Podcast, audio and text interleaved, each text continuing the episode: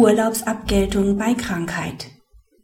Arbeitnehmer haben auch dann Anspruch auf den gesetzlichen Jahresurlaub, wenn sie während des gesamten Kalenderjahres einschließlich des Übertragungszeitraums arbeitsunfähig sind und die Arbeitsunfähigkeit auch bei Beendigung des Arbeitsverhältnisses andauert.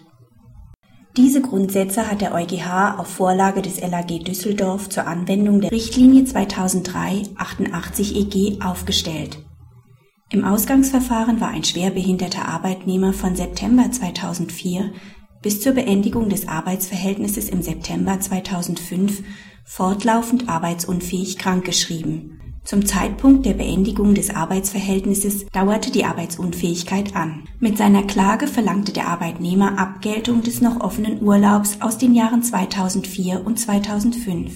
Der Arbeitgeber verweigerte die Abgeltung unter Hinweis auf die Rechtsprechung des BAG zur Unerfüllbarkeit von Urlaubsansprüchen bzw. Urlaubsabgeltungsansprüchen bei Krankheit das LAG Düsseldorf hielt diese Rechtsprechung mit Artikel 7 der Richtlinie 2003-88 EG für unvereinbar.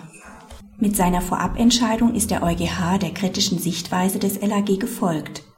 Nach seiner Auffassung stellt es einen Verstoß gegen den in der Richtlinie enthaltenen Anspruch auf Mindesturlaub dar, sofern Arbeitnehmern dieser Urlaub allein deshalb versagt wird, weil sie in dem vom Mitgliedstaat festgelegten Bezugszeitraum tatsächlich nicht gearbeitet haben. Es ist zwar nicht zu beanstanden, wenn die Mitgliedstaaten mit der Festlegung eines Übertragungszeitraums dem Arbeitnehmer eine zusätzliche Möglichkeit eröffnen, in den Genuss des Urlaubs zu kommen. Das darf jedoch nicht zur Folge haben, dass ein eventueller Urlaubsanspruch mit Ablauf des Übertragungszeitraums automatisch erlischt sofern der Arbeitnehmer aufgrund seiner Erkrankung nicht die Möglichkeit hat, den Anspruch tatsächlich auszuüben. Den Mitgliedstaaten steht es lediglich frei, Modalitäten für die Ausübung und Umsetzung des Anspruchs festzulegen. Sie können jedoch keine Regelungen treffen, die den Anspruch selbst ausschließen. Hinsichtlich der Abgeltung des Urlaubs bei der Beendigung des Arbeitsverhältnisses ist festzustellen, dass Artikel 7 Absatz 1 der Richtlinie einen Urlaubsanspruch unabhängig vom Gesundheitszustand des Arbeitnehmers gewährt.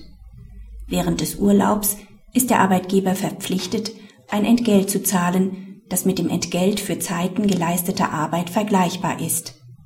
Ein Arbeitnehmer, der aus von ihm nicht zu vertretenden Gründen nicht in der Lage war, den Anspruch auf bezahlten Jahresurlaub vor dem Ende des Arbeitsverhältnisses auszuüben, ist folglich genau so zu stellen, als hätte er diesen Anspruch während der Dauer seines Arbeitsverhältnisses ausgeübt. Somit ist eine Urlaubsabgeltung auch im Fall fortdauernder Erkrankung bis zur Beendigung des Arbeitsverhältnisses zu zahlen. Ausblick Das LAG Düsseldorf hat bereits in Reaktion auf die Vorabentscheidung des EuGH eine Sachentscheidung getroffen. Darin betont das Gericht zu Recht, dass die vom EuGH entwickelten Grundsätze nur für den gesetzlichen Mindesturlaub von vier Wochen und nicht auch für einen vertraglichen oder tariflichen Mehrurlaub gelten. Eine Änderung der bestehenden gesetzlichen Vorschriften in Deutschland ist wohl nicht nötig. Das Ergebnis des EuGH lässt sich ohne weiteres aus einer richtlinienkonformen Auslegung von 7 Absatz 3 Bundesurlaubsgesetz gewinnen. Keine eindeutige Aussage hat der EuGH zu der Frage getroffen, wie hinsichtlich des Abgeltungsanspruchs zu verfahren ist, wenn die Erkrankung auch nach der Beendigung des Arbeitsverhältnisses noch andauert. Hier geht das BAG bislang von einer Unerfüllbarkeit des Abgeltungsanspruchs aus. Die deutlichen Worte des EuGH hinsichtlich der Bedeutung des Mindesturlaubs als sozialer Besitzstand dürften einer Aufrechterhaltung dieser Rechtsprechung jedoch klar entgegenstehen